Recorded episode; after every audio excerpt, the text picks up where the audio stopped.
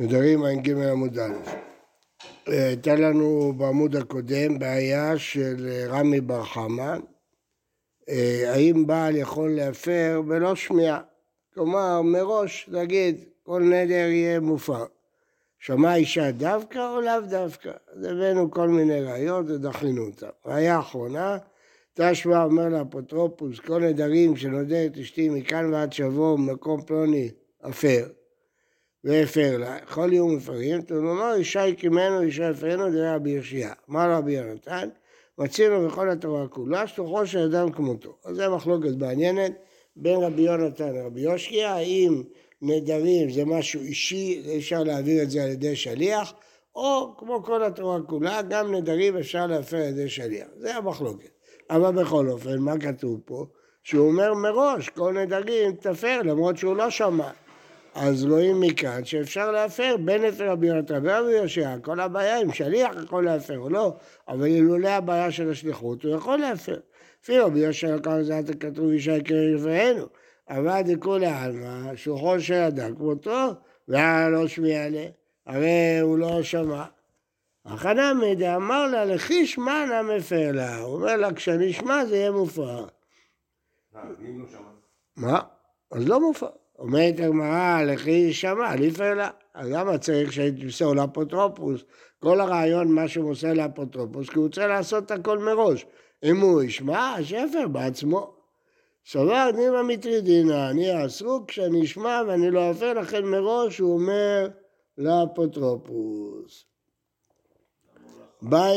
הבעיה הזאת לא נפשטה. אבל אנחנו נראה לקמן שאפשר לפשוט אותה שבעל מפר בלא שמיעה. אבל בינתיים הבעיה לא נפשטה ויש בעיה אחרת.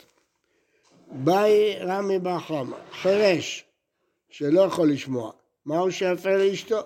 אם תרצה לומר, אם נפשוט את הבעיה הקודמת, שבעל מפר בלא שמיעה, משום דבר משמע, הוא יכול לשמוע, אבל הוא לא שמע. אבל חירש דלאו בר משמע, הוא לא יכול לשמוע. אבל דרבי זרע, דמר רבי כל הראוי לבילה, אין בילה מעכבת בו, כל שאין ראוי לבילה, בילה מעכבת בו. עוד אימא ושמע אישה לא מעכב. מה הפירוש? יש לנו כלל שצריך כמות מסוימת של קמח, עשרוני, וכמות מסוימת של שמן. למה התורה אמרה דווקא את הכמויות האלה? כי זה אפשר לבלול אותן, אפשר עדיין לערבב אותן. מה הדין אם הוא לא בלל? כשר, לא, זה לא מעכב. אבל אם הוא יביא מראש כמויות כאלה שאי אפשר לבלול אותן, כלומר, הרבה קמח ומעט שמן, אז זה כן מעכב. למרות שבדיעבד אם לא בלל לא עיכב, אבל צריך שיהיה ראוי לבלילה, צריך שיהיה לו פוטנציאל לבלול אותו. אז אם כן, גם אצלנו, צריך שיהיה לו פוטנציאל לשמוע, למרות שבסוף הוא לא שמע, לא אכפת לי. או, לא, מי אומר, בכלל זה לא מעכב. אמר רב, ואתה שמע, ושמע אישה. פרט לאשת חירש, שמע מן ה... רואים בפירוש, שמע אישה פרט לאשת חירש. למה? כי הוא לא בר שמיעה. רואים מכאן שאם הוא היה בר שמיעה, לא היה מעכב השמיעה. אז פשטנו את שתי הבעיות. בעיה הראשונה נפשטה שאפילו אם הוא לא שמע יכול להפר, בעיה השנייה נפשטה שדווקא אם הוא מסוגל לשמוע. היא בעיה להוא. בעל מהו שיפר לשתי נשיו בבת אחת. כן, האם הוא יכול להפר בדיבור אחד. אה, אותה דווקא, כתוב יני אותה, ולא שתיים בבת אחת. או לא, לאו דווקא, לא, לא דווקא יני אותה. איפה הביטוי הזה אותה? יש אה, גמרא שאם אה, יצאו שתי פרות כאחד, בפרות אדומות, אז לא טוב. למה? אז המשנה אומרת שמא יאמרו שתיים שחטו. רבי יוסי אומר שזה לא טוב שנאמר ושחט אותה, אותה לבדה.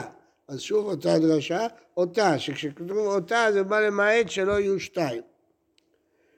אה, אמר אבינת האשמה, אין משקים שתי סוטות כאחת, פני שליבה גס בחברתה, כל אחת מעודדת את השנייה.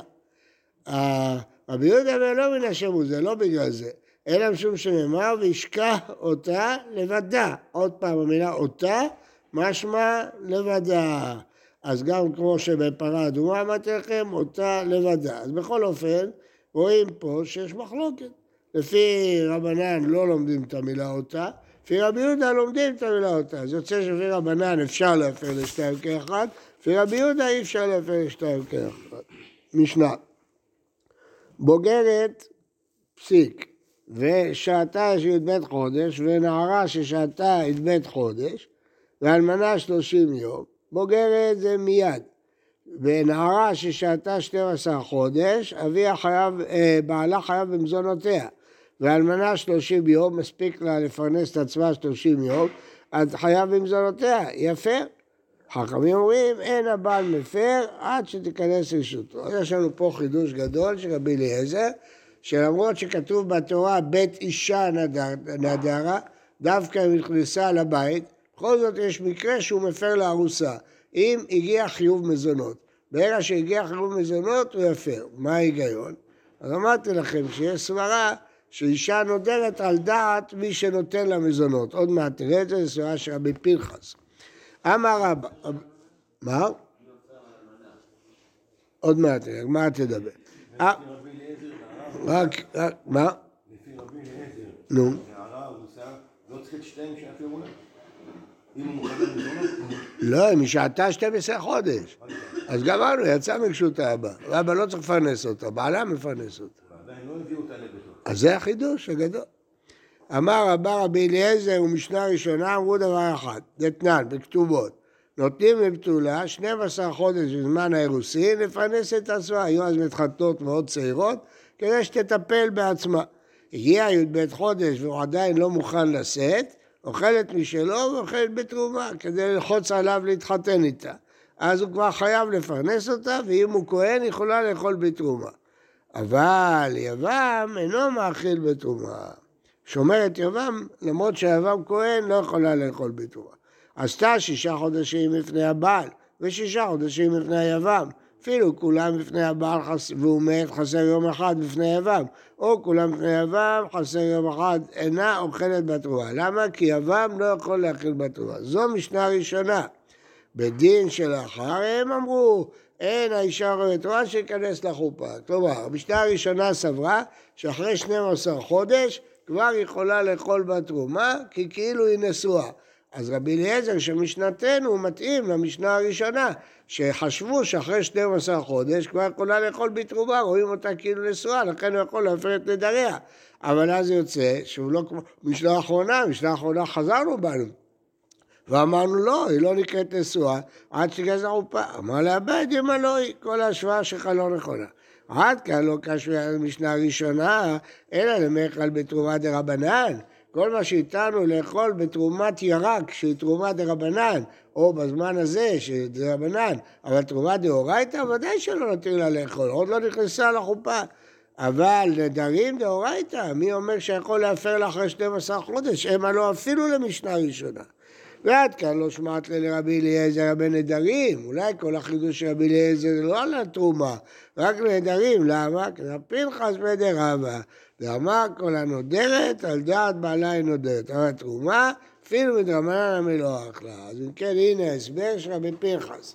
שייתכן שהפשט של רבי אליעזר הוא לא עקרוני, הוא לא אומר שאחרי שתי חודש היא כנשואה, שתוכל לאכול בתרומה עם בעלה כהן. מה פתאום? היא לא נכנסה לחופה, היא לא אוכלת בתרומה ולא כלום. אלא בגלל שבעלה חייב במזונותיה. אז מה? כשהיא נודרת, היא מראש יודעת שהיא תלויה בבעלה. אז היא נודרת על תנאי שהוא לא יפר. לכן הבעל מפר. ממילא, ברגע שהוא חייב במזונותיה, היא גם כן תלתה על דעתו. כלומר, רבי אליעזר אומר, האישה חושבת על מי שמפרנס אותה, על דעתו היא תולה את, ה, את הנדר. מעניין מאוד, זה חידוש גדול של רבי פנחס, אבל לפי זה, זה לא עניין עקרוני במשנה שלנו. אבל במשנה הראשונה, זה עניין עקרוני, שאחרי 12 חודש כבר אוכלת בתרומה. אומרת הגמרא, אולי רק תרומה דה רבנן, לא תרומה דאורייתא. יוצא שפשט המשנה שרבי אליעזר אומר דבר עקרוני, שאחרי 12 חודש כאילו אישה נקראת נשואה. אחר כך אומר רבי פנחס, לא, זה לא דבר עקרוני. זה רק בגלל שמי שנודרת על דעת בעלה היא נודרת, אז פה היא נודרת על דעת מי שייתן לה מזונות. כיוון שהיא נודרת על דעת מי שייתן לה מזונות, הוא חייב במזונותיה, אז היא נודרת על דעתו. בוקר טוב ובריא לכולם.